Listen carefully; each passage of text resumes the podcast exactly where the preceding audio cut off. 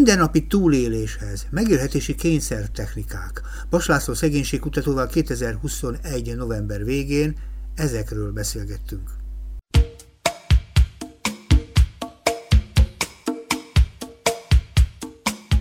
Te avatott szakértője lennél tulajdonképpen a szegénység gazdálkodási oldalának, tudnék azzal a programmal, amit szociopolinak hívnak, most már több éve, szem harmadik, negyedik éve van már? Tizedik. Tizedik? Meg, jó, akkor látod, mennyire jó követem, tizedik éve van.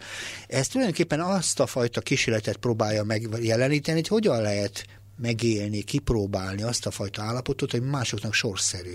Mert sajnos Magyarországon nagyon sokan vannak úgy, hogy egy rakás kényszer között kell egyik napról a másikra megélniük. És ráadásul nagyon rossz az optikája ennek az egész történetnek. Tulajdonképpen vagy nem beszélünk róla, vagy ha beszélnek róla, akkor nagyon felületesen kívülről, munkalapú társadalomról beszélünk, és hogy nem mondjam, egy csomó olyan tud, ehhez a világhoz kevésbé rárímelő, hímelő hangulata van ezeknek a kommunikációknak a szegénységről. Mennyire Mennyire, hogy alakult tíz év alatt? Azt kérdezem, hogy már elkezdtétek, mert tíz év előtt valószínűleg nem feltétlenül ilyen erős volt tulajdonképpen ez a fajta elutasítottsága a szegénységnek, mint most. Igen. E, fontos dolog, amit mondasz arról, hogy az én tapasztalataim kétfélék. Hát én Így van most már hosszú ideje, mondjuk 20 éve ez a kutatási témám, a gyerekszegénység elsősorban, de hát általában a szegénység, vagyis, hogy az a nagy szerencse, hogy, uh-huh. hogy különböző politikai hatalmak és kormányzatokon átívelve van hát kutatási tapasztalatom, tereptapasztalatom a szegénységről, és az elmúlt tíz évben ez a, ez a játék, a szociopoli társasjáték és színház, ez egy nagyon fura virtuális tapasztalattal gazdagítja az életemet, mert hogy hát a kutatásban az ember általában egy szegény vidéken, egy szegény településen családokat látogat meg, beszél olyan emberekkel, akiknek ezeket a kényszertechnikákat alkalmazni kell, hogy, hogy életben maradjanak, hogy túléljenek valami módon. De ez a másik perspektíva, ez a középosztályt, vagy a társadalmi elitet mutatja meg, uh-huh. akit ebben a játékban belekényszerítünk ilyen döntések meghozatalába, és amire kérdeztél, hogy az elutasítottság, a, a, a szembenállás, vagy ha nagyon szélsőséges vagyok, a szegény ellenesség, hát a, én nem vagyok benne biztos, hogy ez tíz éves vagy húsz éves, egy kicsit az az érzésem, hogy, hogy vannak ebben ilyen hosszú-hosszú történeti korokon át. Még régebbi? Hát eh, ha most arra gondolok, hogy a, az én generációm, én 58-ban születtem, ugye 60-as, 70-es években voltam gyerek, és hát azért mi abban nőttünk fel, hogy aki nem boldogul, aki nem dolgozik, az ne is egyék, hogy a, a mi társadalmunkban már, mint ugye a, a szocializmus nevezték akkoriban így, ö, ott, ott nincs szegénység, vagyis aki, aki bajban van, aki szegény, hát az valami maga tehet róla, ő valami lumpen, egy olyan uh-huh. ö, nem tudom, megvetni való uh-huh. figura, és azért hát hosszú volt az a 40 év, ami, ami ebben telt el, hát bizonyára emlékeznek a hallgatók is, közveszélyes munkakerülésről beszéltek akkoriban, tényleg kriminalizált volt ez az egész kérdés, és a rendszerváltás hát nem hozott ebből a szempontból komoly változást, nem tette az embereket együttérzőbbekké, toleránsakká, uh-huh. Hát hosszú történet, de majd irányított, hogy merre haladjunk. De tájékozatlanok is maradtak. Ugye, mert az a helyzet, ugye azt, amikor most úgy kezdtük a beszélgetést, hogy két tapasztalatod van két irányba. Egyrészt ezek a játék révén találkozol egy reakciót tulajdonképpen, a más társadalmi csoportok reakcióját a szegénységre, másrészt a munkád révén ugye találkozol a szegényekkel magukkal, Igen. és a kettő között óriási nagy rés van, távolságok vannak, és az a távolságot tulajdonképpen egy csomó dolog nem hidalja, például nincsenek ismeretek.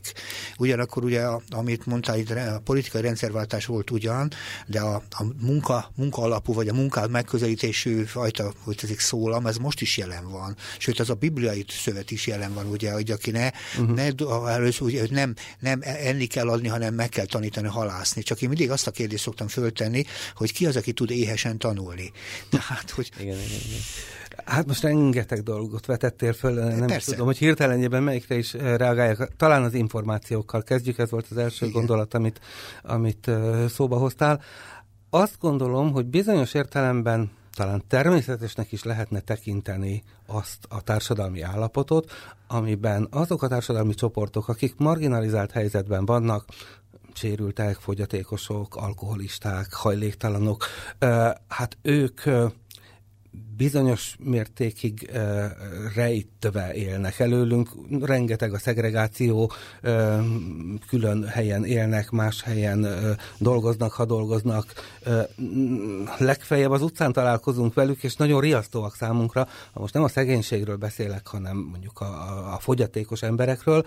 Hát van egyfajta szorongás, rettegés nagyon sokunkba, vagy nagyon sok uh, emberbe, hiszen ez egy ismeretlen világ. A felszáll egy, egy mentálisan sérült ember egy járműre, és ott hangosan kezd beszélni, vagy furcsán viselkedik, mindenki megrémül, nem tudunk róluk semmit, és hogy mondjam, megint azt is mondhatnám, hogy, hogy a természetes szövede a társadalomnak az, hogy nem is akarunk róluk tudni semmit. Uh-huh. Azok az intézkedések, amik arra irányulnak, hogy ezeket mondjuk a sérült fogyatékos embereket rakjuk valami vidéki intézetbe távol mindentől egy pusztára, hogy a hajléktalanokat söpörjük ki a, az aluljáróból, hogy a ö, ö, szegénységben élő, esetleg még roma ö, családok gyerekeivel ne járjon együtt a mi gyerekünk, hát ha a ha ezeket a tendenciákat nézzük, akkor ez mind azt fogja erősíteni, hogy fogalmunk nem lesz ezekről a kirekesztett társadalmi csoportokról, és ez az ismeretlen, ez mindig nagyon veszélyes.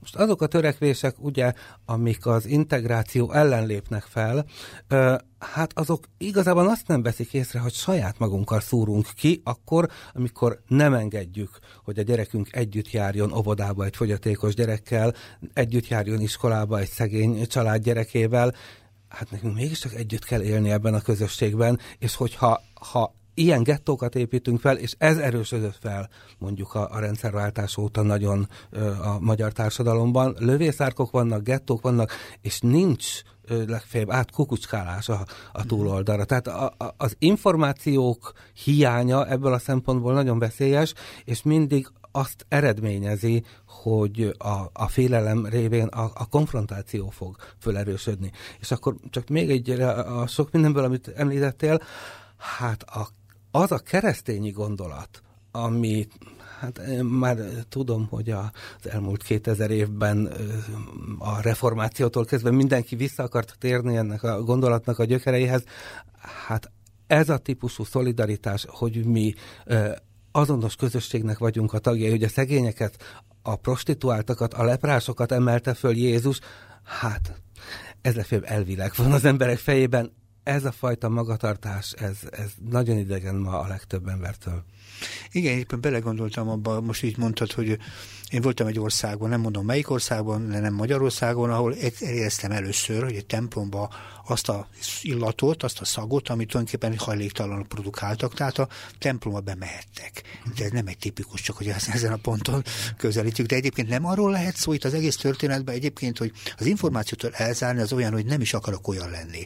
Tehát van egy ilyen, egy ilyen nem mondjuk, hogy talán természetes szorongás is, hogy az ember nem akar leszakadni, nem akar rosszul járni, nem akarja azokat a mintákat, sorsokat magára képzelni, és a gyerekeire képzelni, amit ezekben az emberekben feltételez, meg lát, meg gondol. Persze, mindenképpen így van. Még egy fél mondat az előző gondolathoz, hogy nagyon sommásan a, a kereszténységet, a vallást így betettem egy dobozba, hát azért persze nagyon színes a kép, rengeteg olyan egyházi törekvés, rengeteg olyan plébános, rengeteg olyan szervezet van, amelyik abszolút szolidáris, nagyon nyitott, és valóban szerintem Magyarországon is lehet találni olyan közösségeket, olyan templomokat, ahol a dolog nyitott, és, és hát rend, mm. tényleg sok ilyen kezdeményezést ismerek, csak azt akartam mondani, hogy ez a keresztényi gondolat azért nem ütötte át a falat. Nem az történt, hogy... Igen. Uh, és visszatérve a, a, előző uh, kérdésedre, abszolút úgy érzem, hogy akkor, amikor az ember a saját biztonságát próbálja védeni, akkor, amikor a saját szorongásait próbálja meg legyőzni, hogy úristen, mi lesz, hogyha holnap uh, én is bajba kerülök? Mi lesz, hogyha holnap elveszítem a munkámat? Én is itt fogok kéregetni az utcán, nekem is elviszik a házat a fejem felül? És ebből a nézőpontból azért az a legerősebb önvédő mechanizmus, amikor azt mondom, hogy nem, hát az lehetetlen. Hát azok, akiket itt látok nyomorogni, látok az utcán hajléktalanként, látok a tévében, hogy milyen borzalmas körülmények között élnek, ők valamilyen módon mások. Hát ha most nagyon szélsőséges lennék még a fajelméletek felé is eltor... Mm. De, de sokszor van például a szegénységnek ez az etnikai beszínezése is, hogy hát azért én nem vagyok roma, hát én nem kerülhetek olyan helyzetben, mint a, a, mhm. a romák, már ha, mm. a, ha a középosztálybelit gondolkodást próbálom leírni azt meg végképp, hogy mondjam, én védőmechanizmusnak tartom, amikor elkezd arról gondolkodni valaki, hogy hát a szegénységbe jutott ember maga tehet róla, mert ő felelőtlen, mert ő elissza, mert ő nem akar dolgozni, mert ő lusta. Én nem vagyok ilyen. Tehát ha én nem vagyok ilyen, akkor velem nem fordulhat elő. És minél kisebb a távolság a középosztály és a, szegények top csoportja között, annál erősebb ez a, ez a szorongás. Hát még most nem tudom a friss adatokat, de még egy négy-öt évvel ezelőtt ezekben a, a, a deprivációs mutatókban volt egy ilyen, hogy van-e annyi tartaléka, hogy egy nagyobb kiadást tudjon fedezni, és hát én még arra emlékszem, hogy ilyen 70-75 százaléka a magyar népességnek azt mondta, hogy ilyen tartalékom nincs.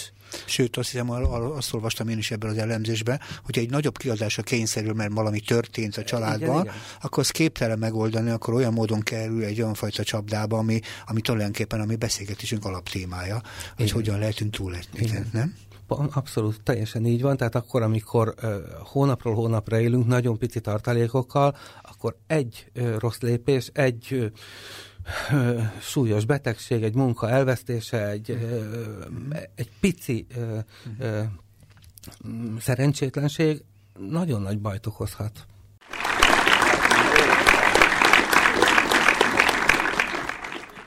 A Kapos Ifjúság Segítő magazinban Bas László szociológus és szegénységkutatóval arról kezdtünk el beszélni, hogy a mindennapi túléléshez, a megélhetési kényszertechnikához milyen út vezet, pontosabban kinek van erre szüksége.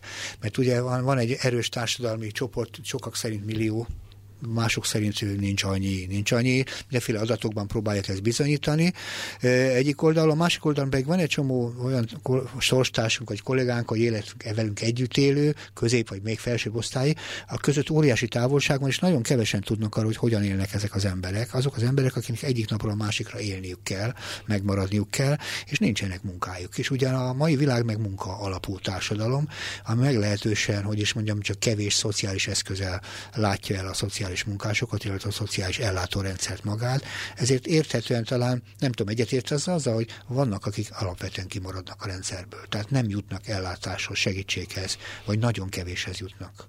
Igen, egy eh, milliós eh, tömegről beszéltél a szegénységben. Hát eh, nagyon sokféle adat van, nagyon sokféle közelítés. Az a hivatalos szegénységi küszöb, amit a világon um, szoktak használni a mérésre, annak alapján Magyarországon, most megint nem tudom a napi adatot, 12-13 százalék körüli a mhm. szegénységben élők aránya, hát az tényleg millió, ha nem is vagyunk már 10 millióan, uh-huh. a 12-13 százalék az, egy, az valóban egy milliós tömeg, és hát van egy egy csomó olyan típusú adat, ami ami azért ezt erősíti szokta, hát ne, nem fárasztom a hallgatókat, a deprivációtól kezdve uh-huh. a szegregáltan telepen élők számáig.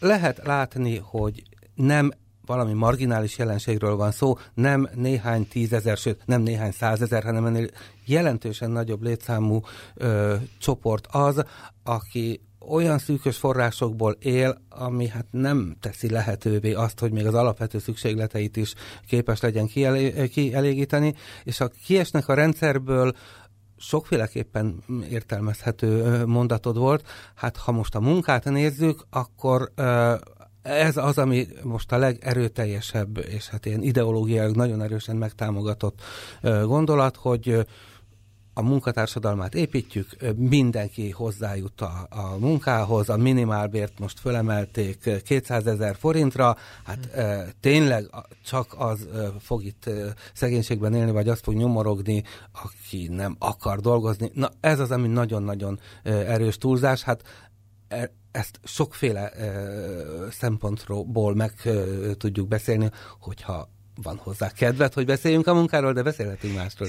Igen, itt csak az alapvetően arról szól dolog, hogy miért kényszerülnek az emberek minden egyik napra a másikra mindenfajta megoldást keresni, mert nem férnek, nem jutnak hozzá a munkához. És ugye az az igazság, hogy a, beszélhetünk munkáról, meg minimál dologról, de egy csomó helyen nincs munka lehetőség sem. Tehát ugye a munka lehetőség akkor érdekes lenne, hogyha a különböző térségeket fejlesztenék, és lenne munkahely teremtő beruházások, és hagyd nem mondjam egy csomó olyan kísérletezés, ami arról szólna, hogy egy, egy helyi ember kezdeményezését megtámogatja valaki, hogy tudjon magáról gondoskodni, tudjon ellátni. Rengeteg projekt szólt erről az elmúlt időszakban is, hogy megpróbálták megtámogatni a szegény vagy a nehezebb térségbe élő emberek kezdeményezéseit, néha például mit tudom én, eszközökkel, szerszámokkal, néha vetőmaggal vagy egyebekkel, hogy megpróbálták ebben az értelemben abban erősíteni őket, hogy tudjanak magukról gondoskodni. De ez önmagában akkor nem működik, hogyha, hogy közben nem épül köré egy olyan fajta infrastruktúra, olyan fajta gazdasági mozgástér, ami ennek a címén ezekből meg is lehessen rendesen élni. Igen, igen.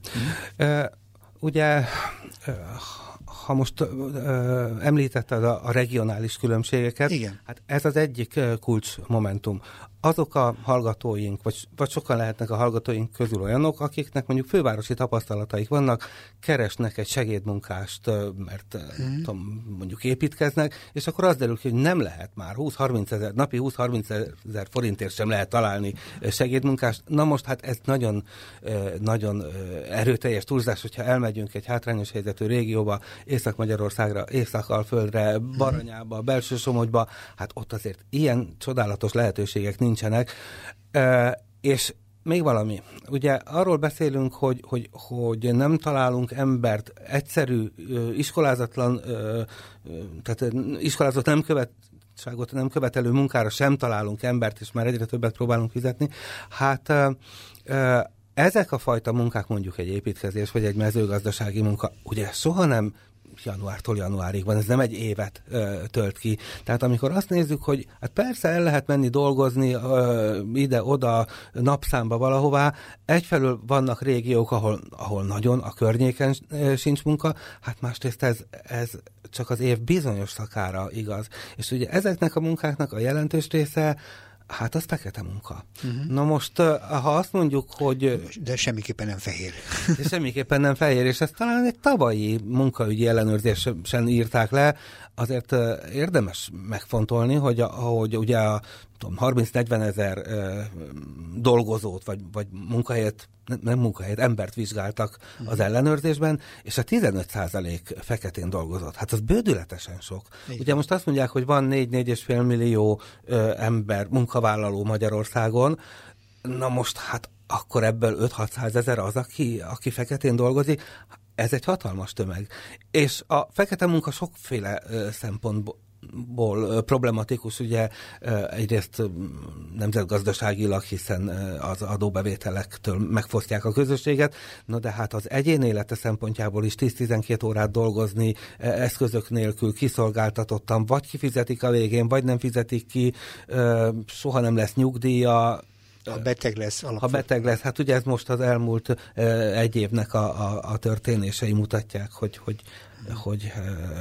Igen, és erre volt egy varázsfegyver, ami még nem csak ebben a mostani politikai szisztémában, az előzőben is benne volt, úgy hívják, hogy, hogy közmunka, ami hát meglehetősen csapda ebben az értelemben, és a legkevésbé adja vissza a munka lehetőségét, úgy tűnik most már az utóbbi időben igazolta magát, és nyilván az összege sem annyi. Igen. Tehát, és gondolom, amikor megemelték a minimálbért, akkor tulajdonképpen ezzel a közmunka nem változott, sőt, tulajdonképpen a közmunka létszáma sem nőtt, sőt. Hát nagyon érdekes a közmunka, és jó is, hogy szóba hoztad, ugye. Az előbb beszéltél arról, hogy ezeket a regionális hátrányokat, ezt valamilyen módon a, a kormányzat, az állam tudná egy kicsit kiegyenlíteni. Így van. Mert azt az ember mondjuk megérti, hogy a, nem tudom, az Audi gyár az nem ö, Ózdra vagy Máté Szalkára fog majd települni, hiszen az útvonal, az infrastruktúra rossz, az utak használhatatlanok, az ott élő emberek iskolázottsága alacsony, hát világos, hogy, hogy Győrbe, Esztergomba, Kecskemétre, tehát máshol ruház be egy, egy piaci szereplő. Uh-huh. Na most nagy állami beruházások gyakorlatilag nincsenek, ami van, hát lehetnek persze preferenciák, meg támogatások, ami van, az a közmunka, ami nem volna egy rossz gondolat önmagában, hát hogyha van egy régió, ahova nem nyúl el a munkapiac, hogyha oda senki nem fog munkahelyeket telepíteni, hát akkor legyen valami ilyen közfoglalkoztatás, ezer sebből vérzik a dolog,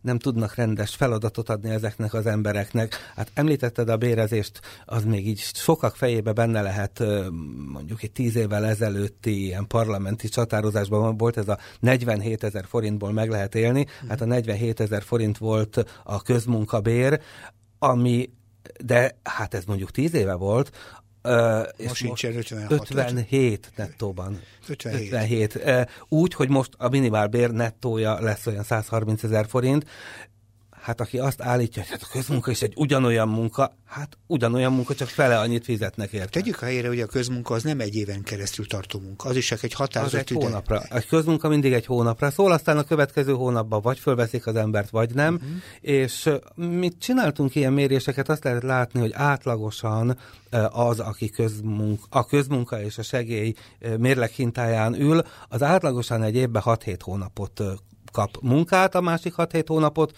Nem. otthon ül segélyen és, és várja, hogy, hogy munka lehetőséget kapjon.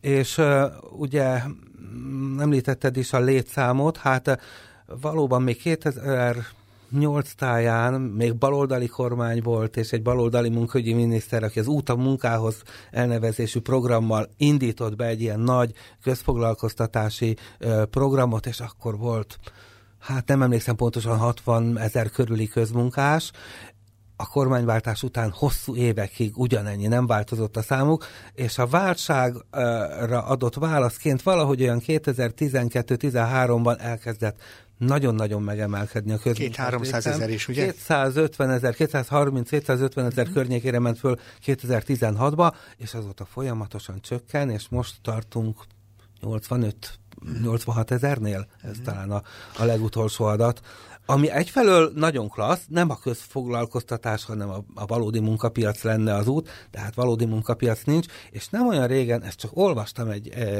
egy kutatást, amelyik több éven keresztül megnézte a kis településeken a, a helyi hatalomra adott szavazatok száma és a közmunka lehetőségek száma között nagyon erős korreláció van. Tehát ez a közmunka a szegény vidéken a, a... Mert hogy kikap. És úgy kap, amilyen módon konform, amilyen módon képes elfogadni játékszabályokat, igen, és aki kicsit lázadozik, vagy kicsit nyugtalankodik, vagy zúgolódik netán, igen. ő nem biztos, hogy reális eséllyel kap igen. a következő hónapban is egy újabb Hát már említette, vagy szóba hoztad a szociopolit, ahol még egyszer ugye középosztálybeli, vagy kifejezetten előnyös helyzetű emberek, felnőttek, fiatalok ülnek. Ebben a társasjátékban, a színházi társasjátékban van egy polgármester, és épp éppen ez a polgármester egy, egy korrupt, sötét alak. Uh-huh. Nem ilyennek a polgármesterek, de a színdarabban ez egy ilyen sötét Igen. alak. És a darab közepetáján van egy olyan lehetőség, hogy a nézőknek szavazni kell, hogy támogatják-e a polgármester újraválasztását, és most a 300. előadásnál tartunk, 300-ból 300-szor mindenki támogatja a polgármestert, és hallom, ahogy mondják, hogy hát ha kapunk segélyt, nehogy elvegyék a közmunkát.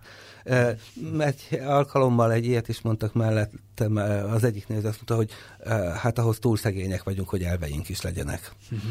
De ha, tehát akkor ez egy kényszer? Ez egy nagyon erős kényszer. Ez egy nagyon érdekes Igen. politikai szabadságjogokat illető kényszer. Igen. Csak nem úgy nem... van, vagy itt nem úgy van, hogy ö, kapsz valami jutalmat, hogyha lojális leszel hozzám, uh-huh. krumplit, sört, virslit, Igen. hanem úgy van, hogy elveszem Aha. azt a nagyon picit a, a, a, a lehetőség, az életben maradás lehetőségét, hogyha nem tudod, Aha. hogy, hogy hova kell tenni az X-et. És akik játszanak, ők is ezt csinálják? Tehát ők is... Teljesen. Teljes. Be, lehet elfogadják? Igen, igen. Tulajdonképpen e- ez a legszomorúbb része a darabnak, hogy, és hát sokszor játszunk fiatalokkal. Uh-huh. Mhm. 18-20 éves lázadó fiatalok, akik abszolút megtörik a gerincüket, és azt mondják, hogy nem érdemes itt pepciás. Ha már itt vagyunk, mind törik el a gerincük a játékban? Mert ugye most adjuk ki a valóságot, a valóságról mindig fogunk beszélgetni, de a játék ebben az érdekes, aki, aki csak egy órára költözik be ebbe a szerepbe, és ugye a játék folyamatosan akadályokat jelent. Azokat az élet akadályokat jelenti, ami a mások emberének az életében, hétköznapi ter- természetességgel jelen van. Ők belekerülnek egy órás játékba, és az ó- játék közepe felé megtörnek, azt mondod, és megpróbálnak úgy, úgy működni, ahogy tulajdonképpen nem működnének, hogyha úgy működhetnének, ahogy szeretnének. Hm? Igen, igen, igen. Ö, ugye a játék azt a helyzetet modellezze, amit a valóság éppen a szegénységben élő emberek igazi, mindennapi életében is jellemző, hogy egyszerűen nagyon hamar belátják a nézők is, hogy ö, szűkösek a forrásaik, hogy egyszerűen ö, képtelenek arra, hogy ennivalót vegyenek, hogy a gyerekükkel törődjenek, hogy az egészségükre ö, ö, fordítsanak figyelmet. Hát ez elég könnyű egyébként ö, akár ki is, ö, kiszámolni is, tehát itt az előbb szóba került, hogy 57 ezer forint a, a közmunka mm. bér, hát ha az ember gyereket is nevel, két-három gyereket is nevel, akkor az adó kedvezménye fölmegy egészen 84 ezer forintig. Na most, hát ha azt mondom, hogy két-három gyereket nevel a család, mondjuk két gyerekkel, hát a családfő mondjuk közmunkás, mert nincs más munkalehetőség, megkeres ezt a 84 ezeret, az édesanyja gyesen van, az 25 ezer forint, 11 uh-huh. éve 25 ezer forint nem változott, uh-huh. ugyanennyi családi pótlékot kap, ez még 50, hát 130-140 ezer forintból kell egy hónapban megélni, uh-huh. miközben ö, hát jól látjuk, hogy világítani kell, fűteni kell, ennivalót kell venni, és ha csak ezt akkor elfogyott a 140 ezer, és már erre sem volt elég. Egész hónapról ebből már közepén elfogyni, hát, néha igen, még a közepén. Igen, igen. E, és e, akkor, amikor csak játékban uh-huh. próbáljuk meg ezt a helyzetet átélni, és csak játékban azon igyekszünk, hogy valahogyan mégis kijöjjünk a, a pénzünkből, hogy tudjunk enni adni a játékbeli gyerekünknek, Hát egyszer csak látszik, hogy hát ha én nem fogok a vállalkozónak nyalizni, akkor nem fog engem elvinni dolgozni, hogyha nem fogok a polgármesterrel lojális lenni, akkor nem fogok támogatást vagy segélyt kapni, és a játék, a, a színdarab azért nem egészen igazságos, mert a mi színdarabunkban minden szereplő a faluban tulajdonképpen borzasztó. Az orvostól a pedagógusig, a védőnőtől a polgármesteri, most már nem beszélek be az uzsorásról, egy idő után, ami nézőink azt érzik, hogy nincs segítség. Azért mondom ezt, persze túlrajzoltuk a színdarabot, nem minden település ilyen, de az, hogy milyenek a szakemberek, hogy milyenek a szolgáltatások, az legalább olyan fontos, mint az, hogy, hogy mennyi is a pénz.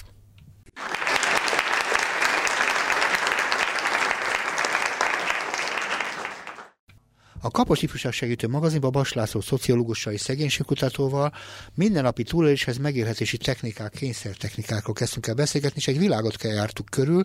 A világ egyik része kb. 1 millió, ez a köz, hozzávetőleges 1 millió ember, és a honfitársunk, akik, akik masszív szegénységben vannak. Most a jelzőjét keressük, ne keressük a szegénységnek, sokféle szegénységi kategória van, de, de elég tartós szegénységről lehet beszélni. És egy másik világról, amelyik tulajdonképpen játékunk keresztül találkozik ezzel a világgal, a Sociopoli nevű nagyon izgalmas játék keretében olyan világról beszélgettünk, akik ilyen módon rövidebb időre bele szagolhatnak ebbe a világba, ami mások számára nagyon kemény és megélhetési történeteket jelent. És noha most nem szeretnék a hasonlatokat meg a játékot se túlfeszíteni, de az az igazság, hogy ahogy mondtad, sok-sok éve, ahogy tetszik, sors, sorsunk, Magyarország sorsa úgy tetszik hozzánk tartozik, ez egy millió ember a maga életével együtt, így van? Uh-huh. És nekem az a vélelmem, hogy ezek ismétlődnek. Tehát, hogy mennyire dinasztikusnak gondolod a szegénységet, mennyire nincs, vagy van-e mobilitás ebben az egész történetben, mert mindig az az illúziónk, úgy szoktuk egymásról beszélni, hogy kitörünk. És ezek a kitörések egyébként is számomra nagyon ijesztő fogalmak, mert kitörni mindig egyedül lehet, és hiányzik a társaság ebben az értelemben. De hát, hogy mennyire van lehetősége annak ebből a világból az elmozdulásnak, vagy mennyire termelődik ez újra, és ezzel az egész mintázattal, világ megközelítéssel, kirekesztettséggel együtt mennyire ö, együtt jár az életünkkel. Igen. Hát amit említesz, az, hogy generációról generációról hogy örök kitődnek át társadalmi helyzetek, a szegénység, vagy akár az előnyök is. Erről, hát ugye megint csak a a, a kutatók, a szociológia, a tudósok leírják, ahogyan a mobilitás egyre szűkül be, ahogyan a a rendszerváltás utáni évtizedekben egyre merevedik meg a társadalom, eh, ahogyan eh, dinasztiáról dinasztiára egy szegény családban felnőtt gyereknek a kitörés esélyei azok nagyon-nagyon bezárulnak.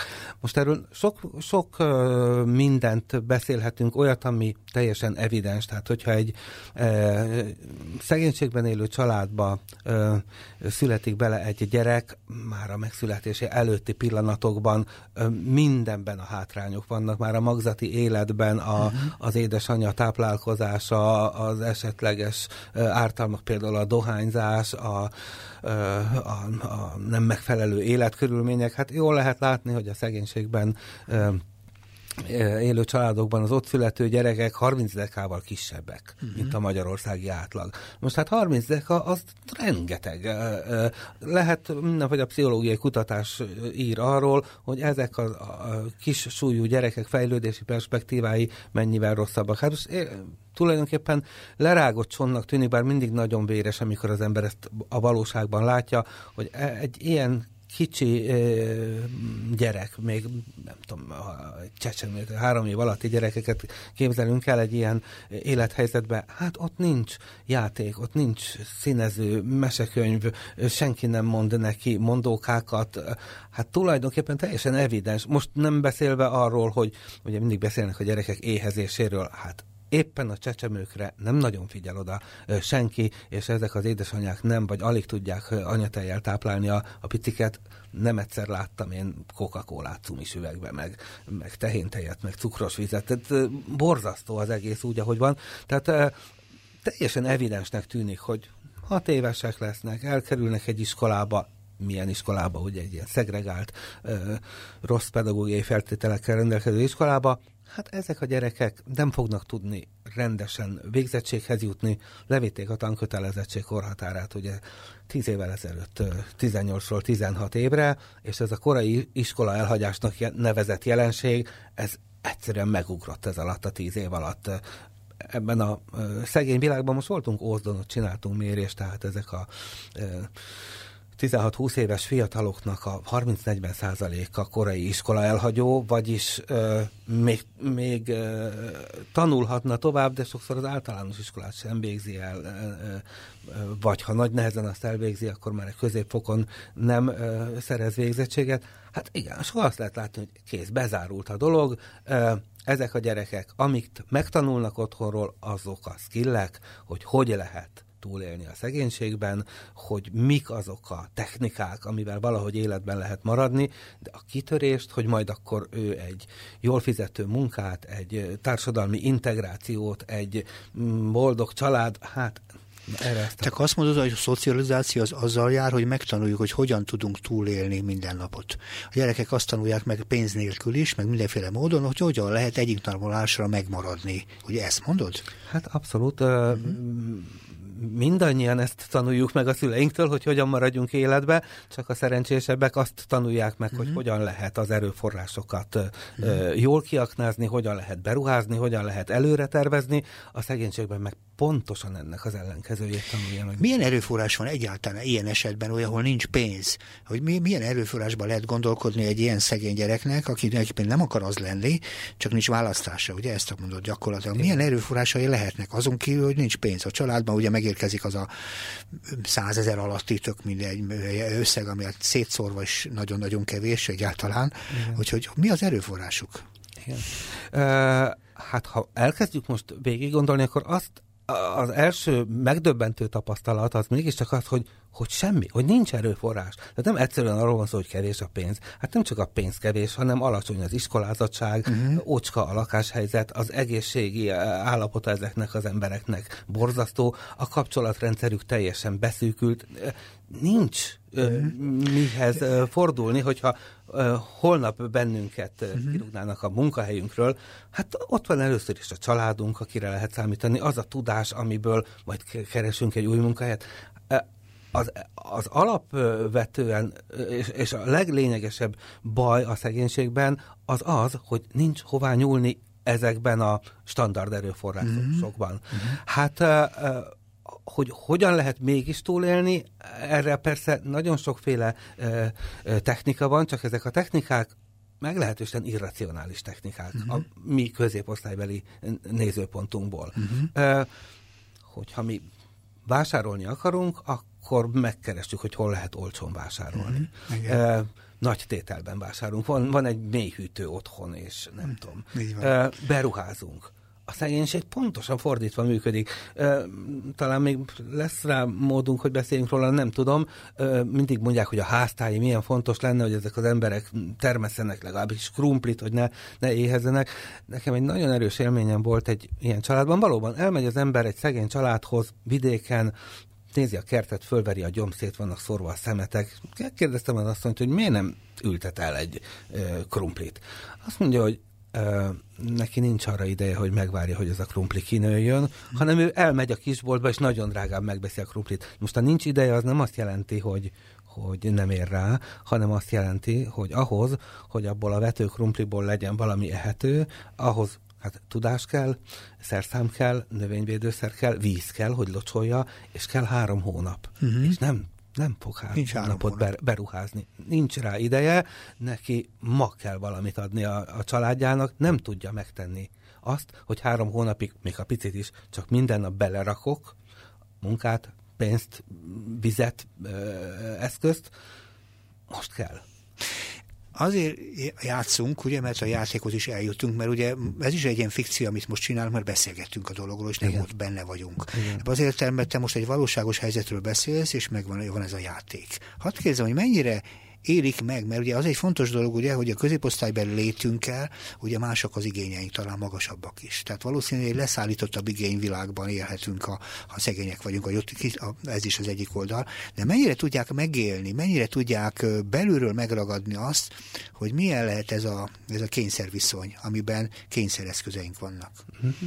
Hát mert beszélgetni szoktatok, gondolom utána. Abszolút. Uh-huh. Ugye ez egy játék, akkor jó, ha beszélgetünk. Fél óra, két óra, három, tehát egy, egy rövid és, és uh-huh. steril laboratóriumi uh-huh. játék.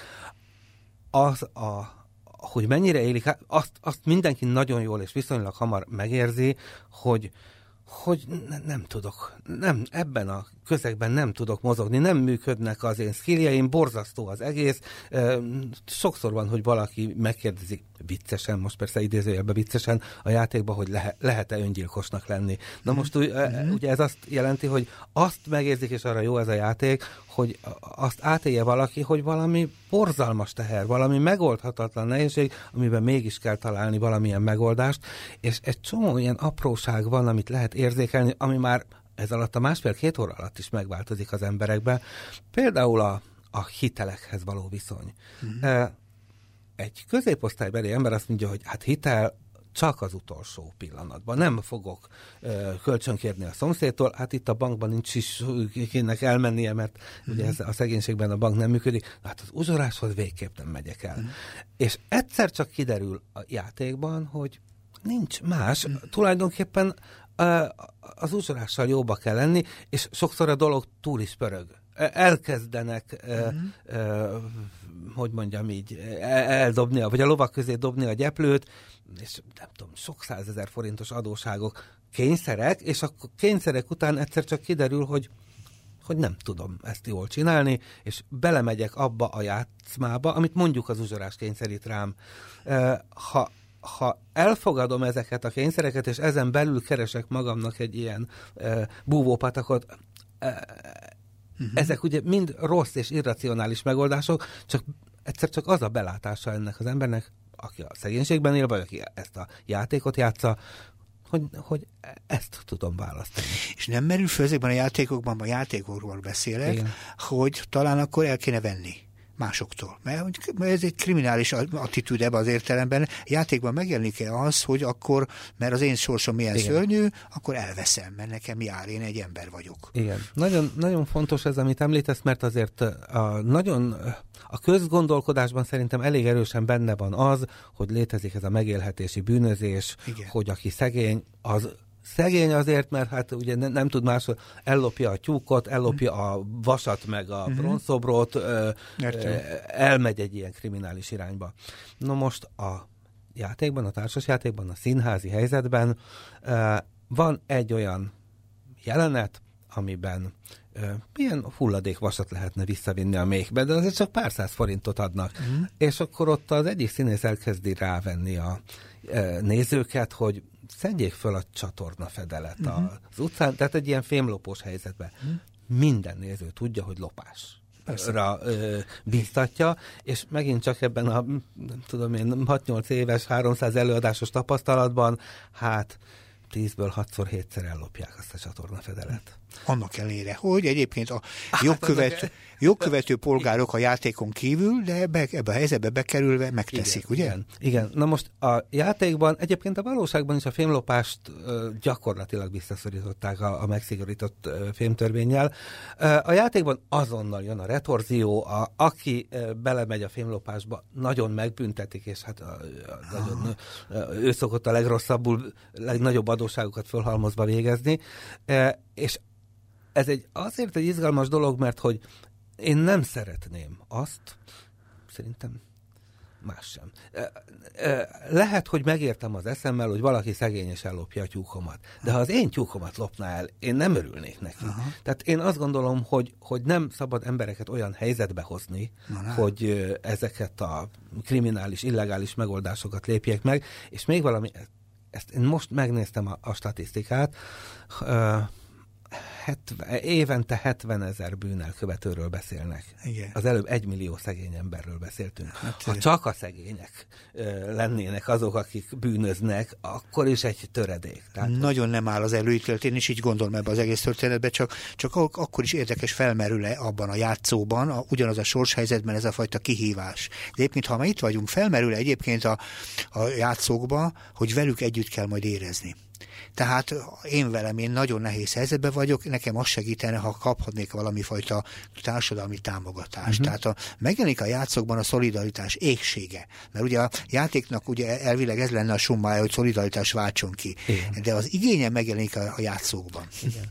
Hát a, a játékban, amikor egy család, vagy egy csapat mm. nehéz helyzetbe kerül, elfogy a pénze, valamit fizetni kell, akkor az első lehetőség, hogy a többi játékostól, a szomszédoktól kér kölcsön. Így van. Ugye az volna ilyenkor a logikus, hogy segítünk a, a játékban egymásnak. Szinte, egymásnak.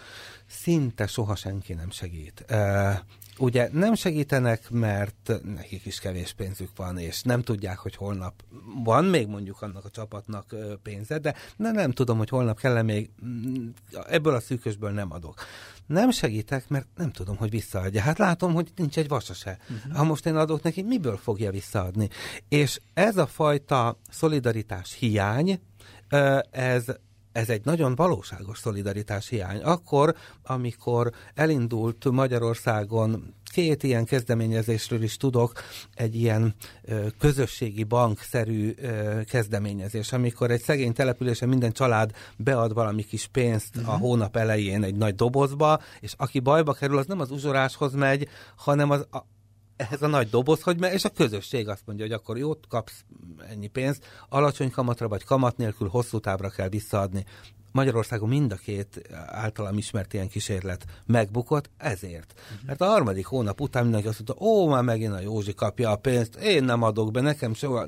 Tehát ez egy nagyon-nagyon lényeges elem, hogy, hogy szolidaritás nélkül marha nehéz lépni valamit, és ebben a játékban az első tapasztalata a játékosoknak az ez, hogy hát én nem fogok segíteni. Hát, de a játékban ezzel szembesül, hogy akkor, amikor valaki ilyen szűkös források között van, akkor nem alkalmas arra, hogy a szomszédjának, esetleg a rokonának segítsen. Nem fog tudni segíteni. Uh-huh. Ezt az élményt érdemes átélni, hogy nem számíthatnak ezek az emberek egymásra, már így rendszerszerűen vagy tömegesen.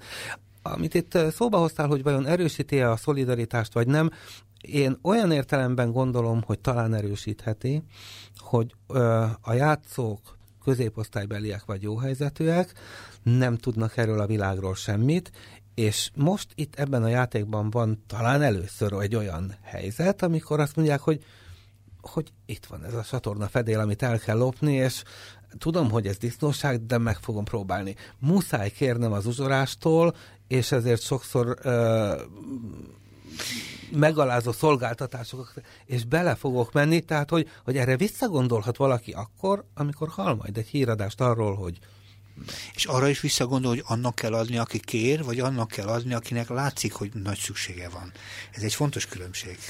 Mert a, mert a kérők nem feltétlen azonosak igen. azzal. Igen, igen. Hát a játékban most erre nem tudnék igazán példát mondani, de... de az életben így van. De hát az életben így van, és ugye ez is egy olyan fura dolog, hogy megint a közvéleményben az van, hogy ó, hát ezek az emberek, akik szegénységben élnek, és nem tudom, ezek aztán abszolút ismerik a jog, mindig azt mondják, hogy a jogaikat ismerik, csak a köteles, hogy ezek tudják, hogy, hogy mhm. hova kell menni, hogy hogy kell kérni. Hát ez nagyon-nagyon nem így van, és én nem egy olyan családot ismerek, ahol, ahol ahol, ahol kifejezetten azt mondják, hogy ők nem alázzák meg ennyire magukat, inkább éheznek, csak nem mennek bele ebbe a dologba.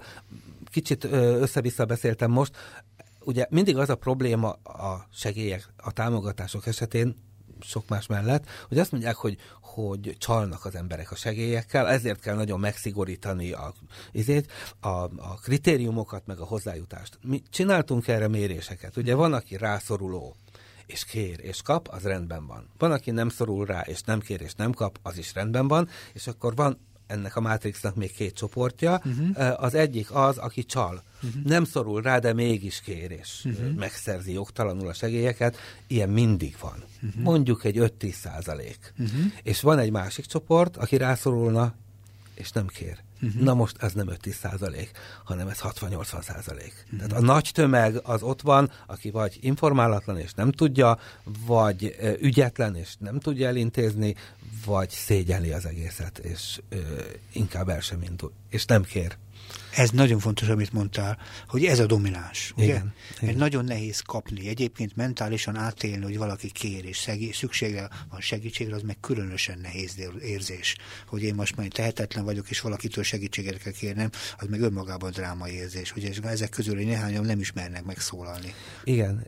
Nagy persze széles a spektrum, attól függ, hogy mit kérünk, attól függ, hogy ö, ö, ha most például a gyerek éhezésre gondolok, mindig próbáljuk mérni, soha nem mondják el. Nagyon ritkán mondják el. Látom, hogy nincs otthon egy falat kaja se, látom, hogy nagyon szegények, hát a gyereknek azért adunk enni. Az egy akkora ö, szégyen, hogy a gyerekemnek nem tudok ennivalót adni, ezt, ezt egy ilyen kérdezéses helyzetben, egy ilyen kutatásban szinte lehetetlen. Ö, De ettől tény. De ettől tény. Nagyon szépen köszönöm a beszélgetést, csak az időnk fogyott el, nagyon belekeveredtünk ebbe a történetbe, remélem a hallgatók elkaptak ebből valami szálat és viszik tovább, talán ebből is lehet szolidaritás. Nagyon szépen Bízom köszönöm Vaslaci a beszélgetést, és hát hallgassák tovább a civil rádiót, Szabondás hallották. Viszont hallásra!